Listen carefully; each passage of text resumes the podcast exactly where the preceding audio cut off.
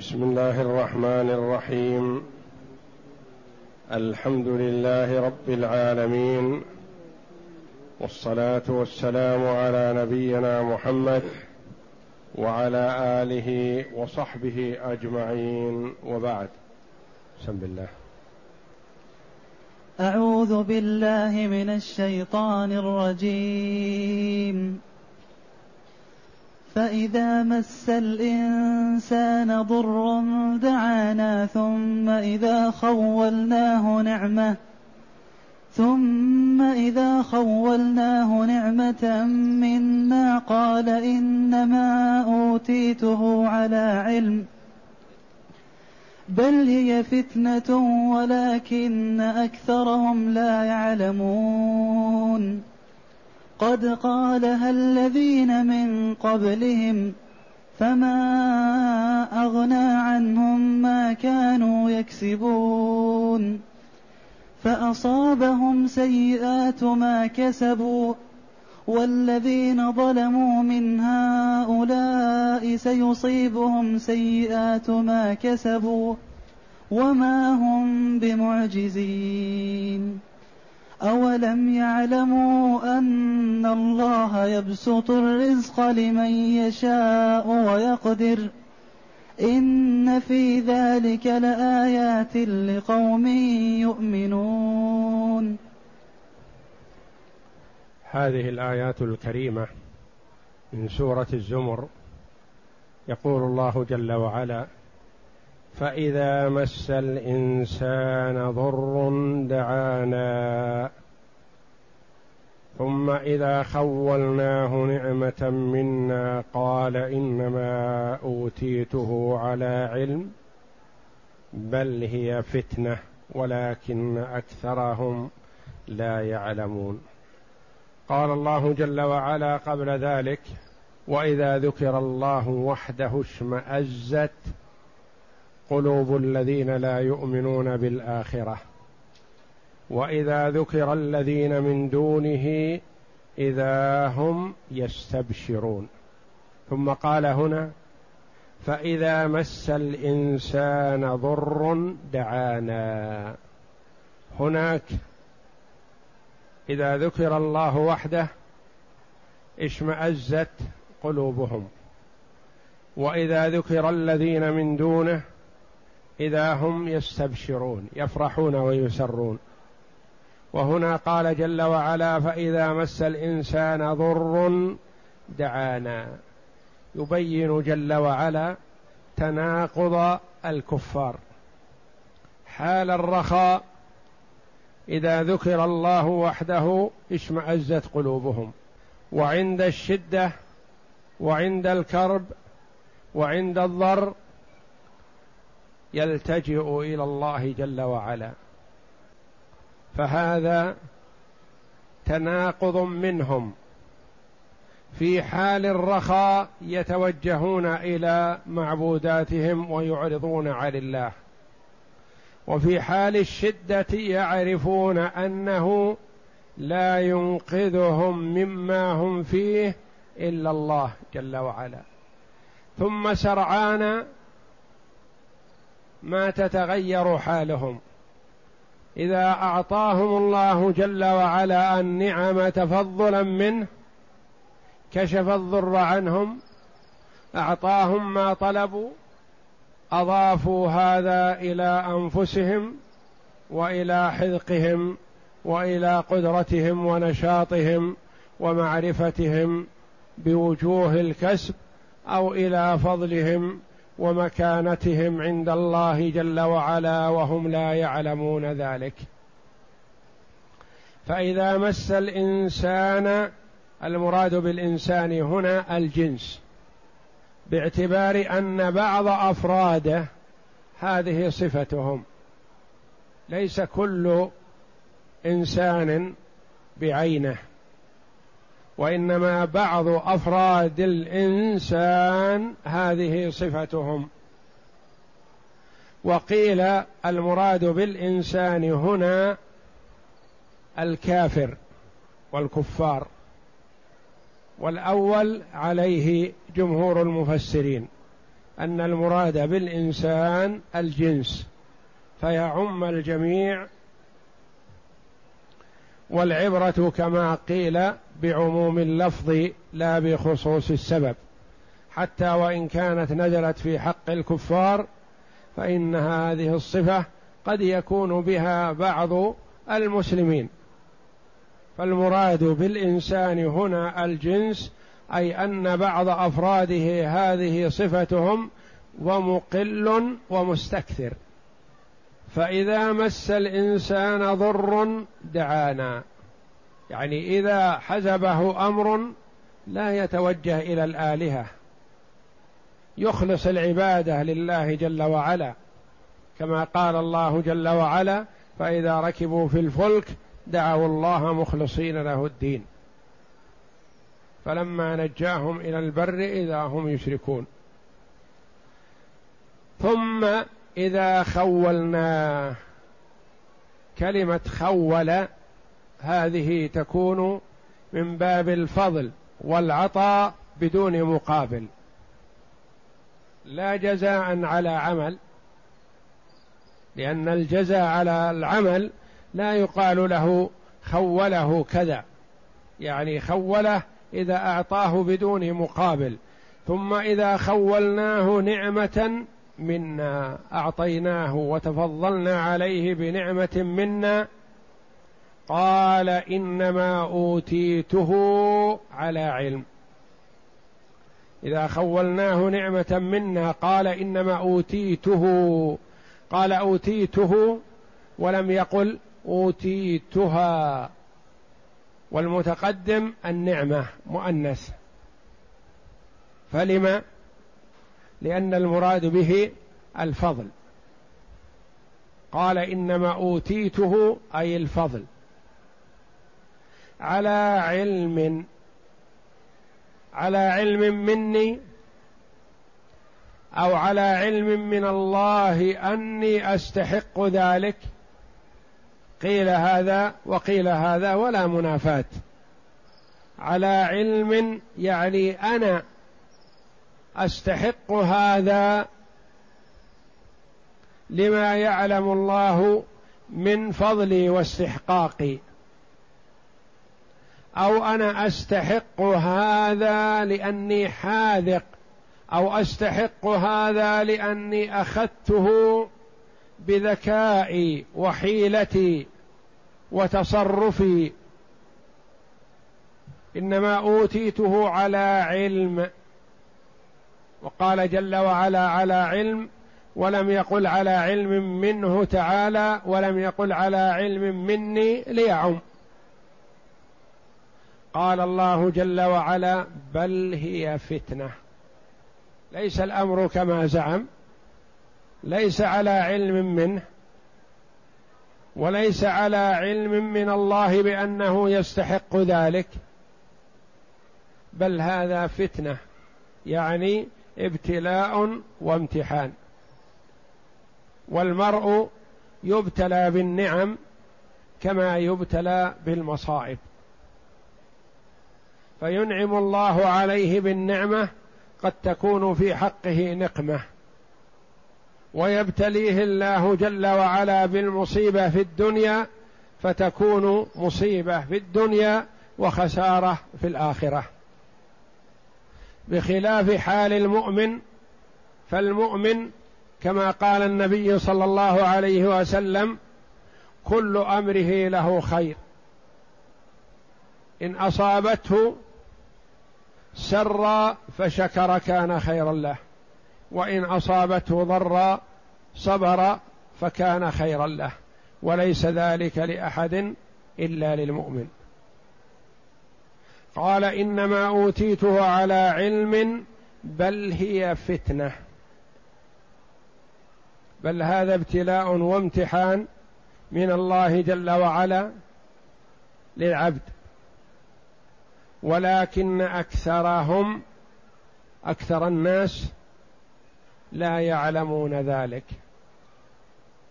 وقال أكثرهم قال أكثرهم جل وعلا لأن الغالب في الأكثرية على الضلال. لأن الله جل وعلا قال وإن تطع أكثر من في الأرض يضلوك عن سبيل الله. وقال تعالى وما أكثر الناس ولو حرصت بمؤمنين. ولكن أكثرهم لا يعلمون ذلك. يظنون أن النعم في الدنيا دليل الرضا من الله. وقد يتوقعون أن المصائب دليل البغض من الله جل وعلا والكراهية وليس الأمر كذلك. بل نعم الدنيا لا تدل على المحبة كما لا تدل على الكراهة. فهي لا تدل على الرضا كما لا تدل على السخط. فالنعمة قد تكون في حق العبد نقمة وقد تكون النعمة في حقه نعمة في الدنيا والآخرة. كما أن المصيبة قد تكون على العبد مصيبة في الدنيا وعذاب في الآخرة وقد تكون له مصيبة في الدنيا ونعيم في الدار الآخرة بحسب ما ينتج منه من صبر وجزع أو شكر للنعمة أو كفران لها.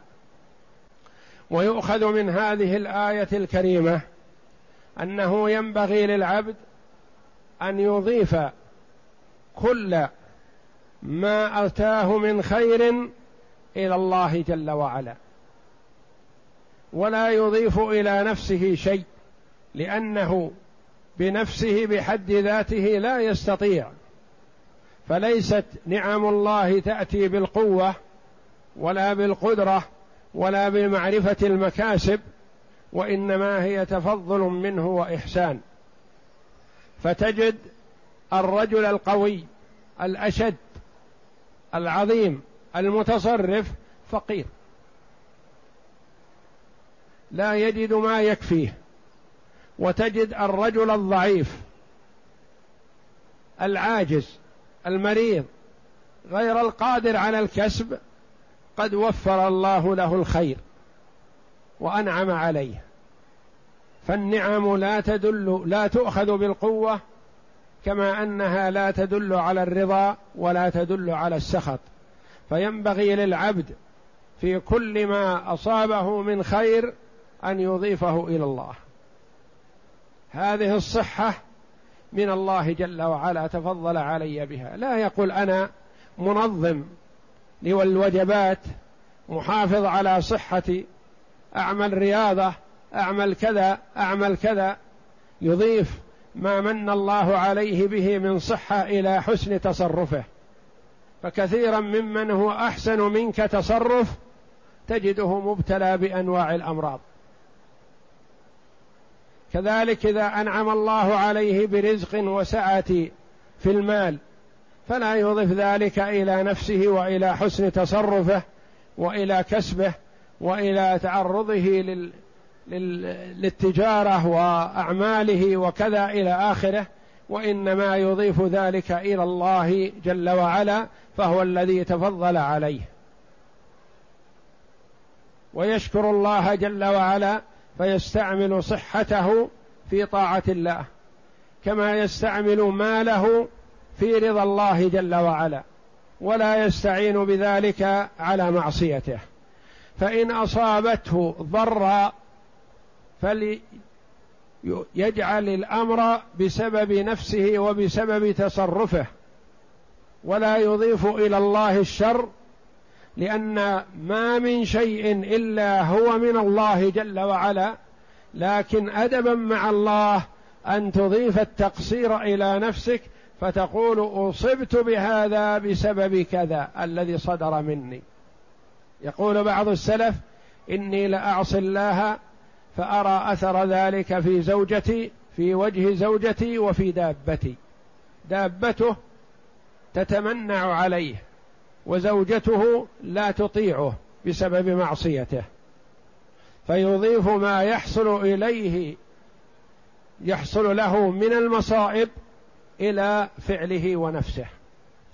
وهكذا ينبغي للعبد إذا من الله عليه بنعمة أن يضيفها إلى الله جل وعلا ويشكر الله عليها والله جل وعلا وعد على الشكر بالثواب الجزيل والزيادة. وإذ تأذن ربكم لئن شكرتم لأزيدنكم ولئن كفرتم إن عذابي لشديد. إذا من الله عليه بالشفاء من المرض فلا يقل أنا أحسن الدواء أو هذا من الطبيب الذي أسعفني بكذا وكذا هذا من الله جل وعلا. وكثيرا ممن عرض نفسه على أجاويد الأطباء ما نفعوه شيئا. وكثيرا ممن يحسن استعمال الدواء استعمله ومات أو زاد مرضه. فالمرء قاصر وعاجز عن إيصال النفع إلى نفسه وإنما يجعل ما يصيبه من خير من الله جل وعلا. وما يصيبه من شر بحسب, تفريطه وتقصيره هو. يضيف الشر إلى نفسه تادبا مع الله جل وعلا.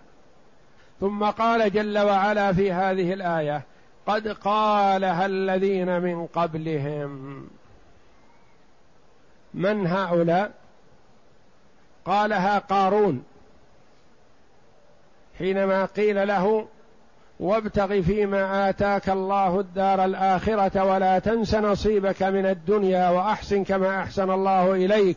ولا تبغي الفساد في الأرض. إن الله لا يحب المفسدين. قال إنما أوتيته على علم عندي. قد قالها الذين من قبلهم يعني من قبل كفار قريش. قالها قوم قبل كفار قريش. وهو قارون ومن شابهه. فما أغنى عنهم ما كانوا يكسبون. ما أغنى عنهم كسبهم ولا أغنى عنهم مالهم ولا أغنى عنهم جاههم. فهو الذي هو قارون قد خسف به داره. فهو يتجلجل في أسفل في الأرض إلى يوم القيامة.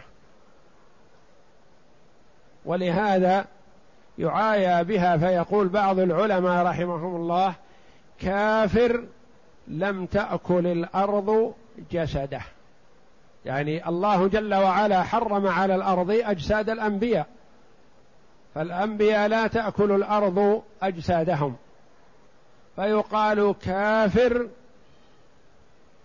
لم تأكل الأرض جسده. من هو؟ قارون. يخسف به من يوم أن خسف الله جل وعلا به داره. في حياة موسى عليه الصلاة والسلام حينما دعا عليه فهو يتجلجل في الأرض إلى يوم القيامة. ينزل. قد قالها الذين من قبلهم فما أغنى عنهم؟ ما كانوا يكسبون يعني ما أغنى عنهم الذي كسبوه أو ما أغنى عنهم كسبهم. يصح أن تكون هذه ما مصدرية وأن تكون موصولة. يعني ما نفعهم شيء. كما قال الله جل وعلا فخسفنا به وبداره الأرض فما كان له من فئة ينصرونه من دون الله وما كان من المنتصرين. اقرأ. بسم الله الرحمن الرحيم.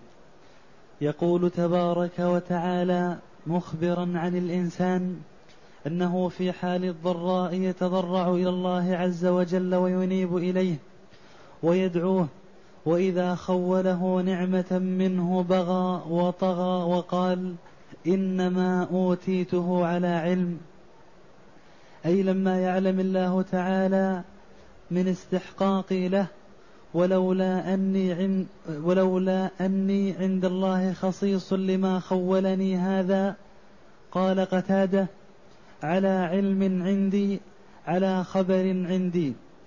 قال الله عز وجل بل هي فتنة أي ليس الأمر كما زعم بل إنما أنعمنا عليه بهذه النعمة لنختبره فيما أنعمنا عليه أيطيع أم يعصي.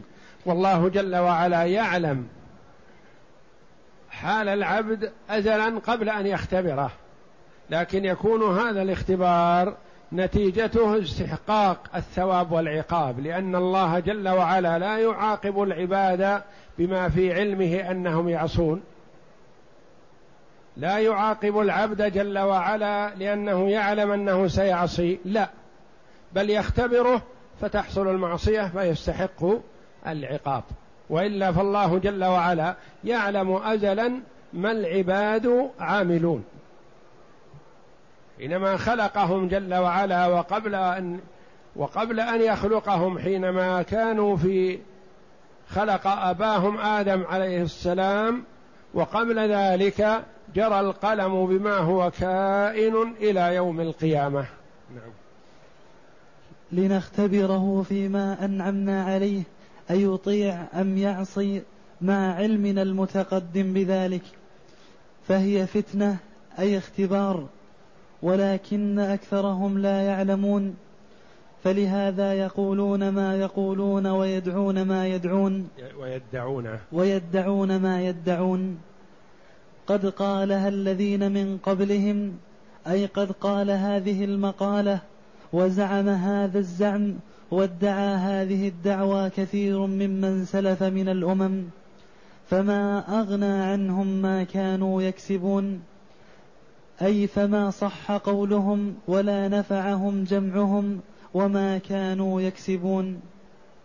فأصابهم سيئات ما كسبوا والذين ظلموا من هؤلاء أي من المخاطبين سيصيبهم سيئات ما كسبوا أي كما أصاب أولئك.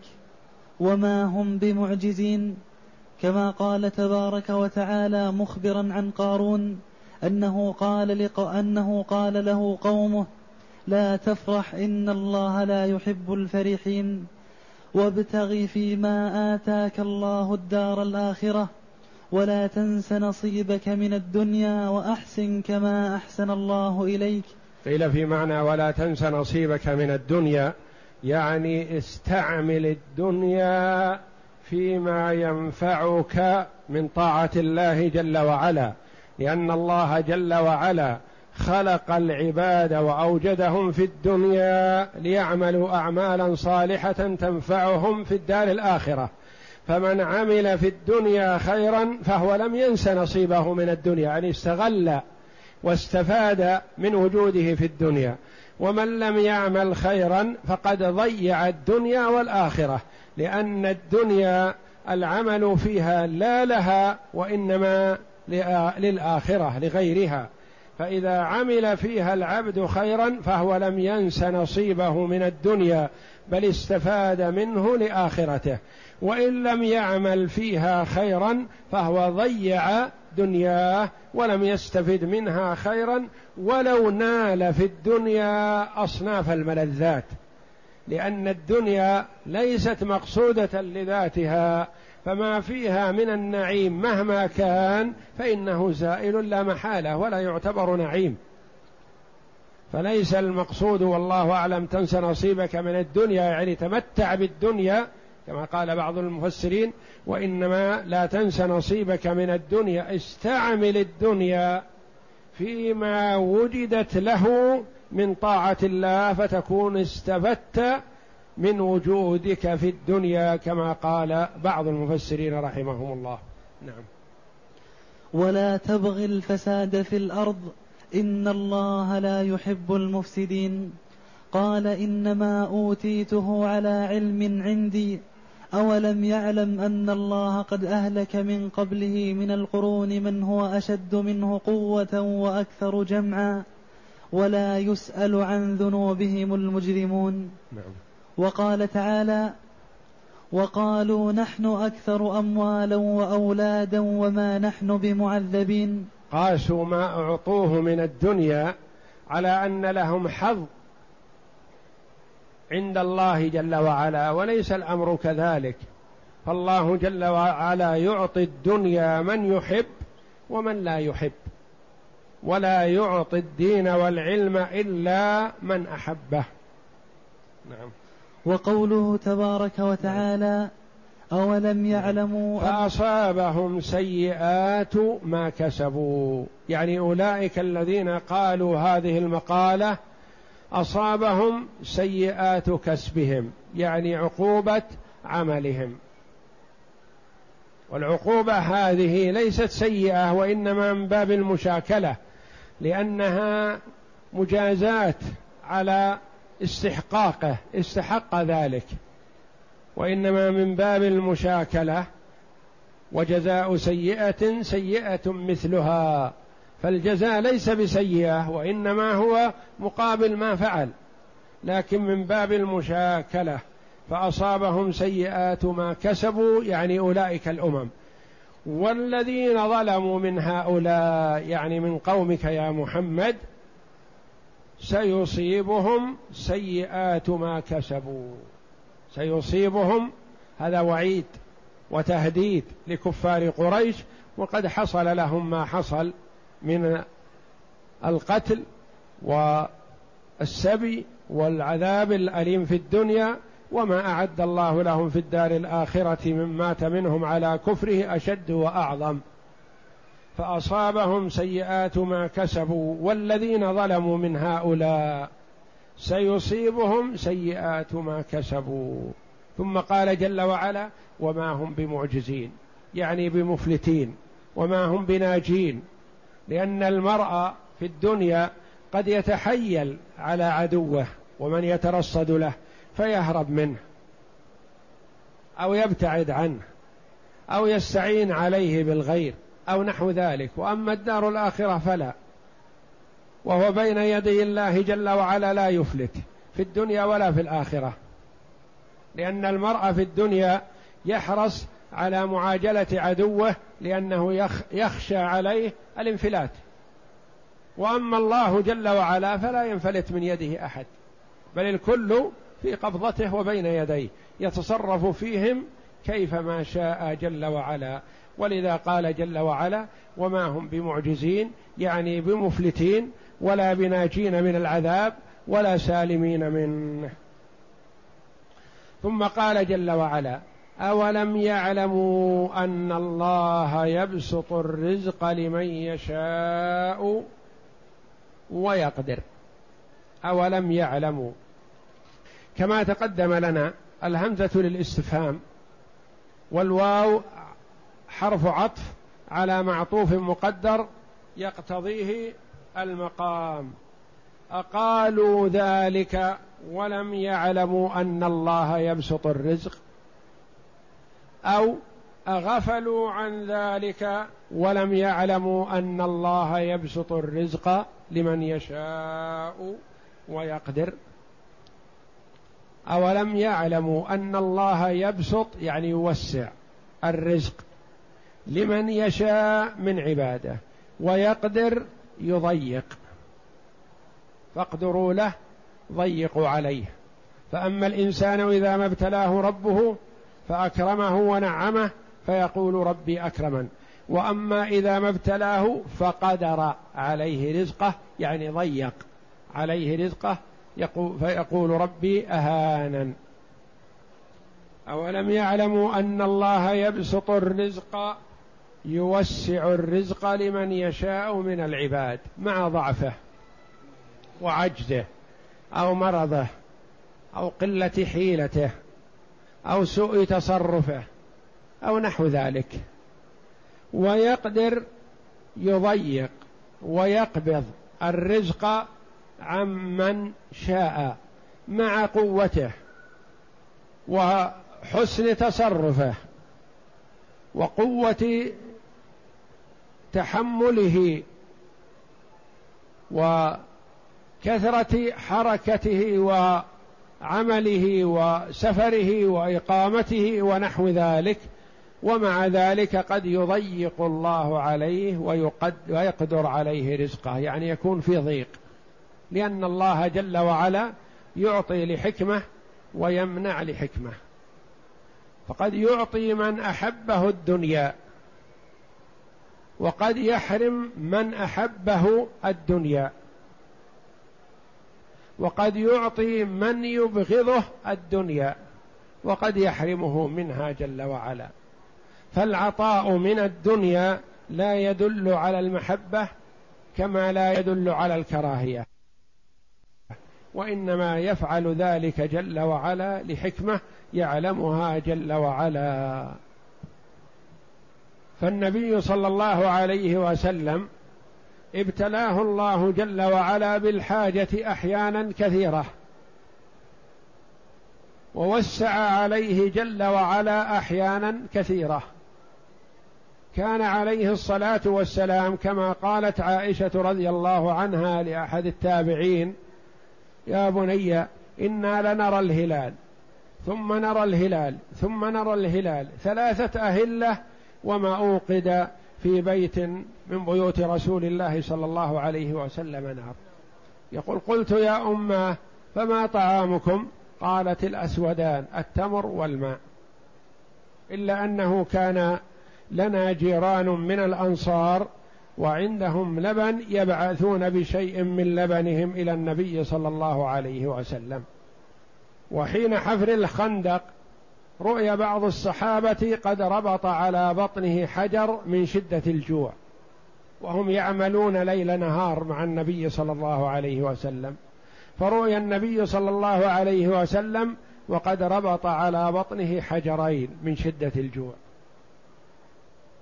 وفتح الله له من الدنيا فأعطى رجلا مئة من الإبل. ثم استزاده فأعطاه مئة من الإبل. ثم استزاده فأعطاه مئة من الإبل. ثلاثمائة من الإبل لرجل واحد في جلسة واحدة. وأعطى رجلا آخر غنما بين جبلين. لا يحصيها العد. فالعطاء من الدنيا لا يدل على المحبة.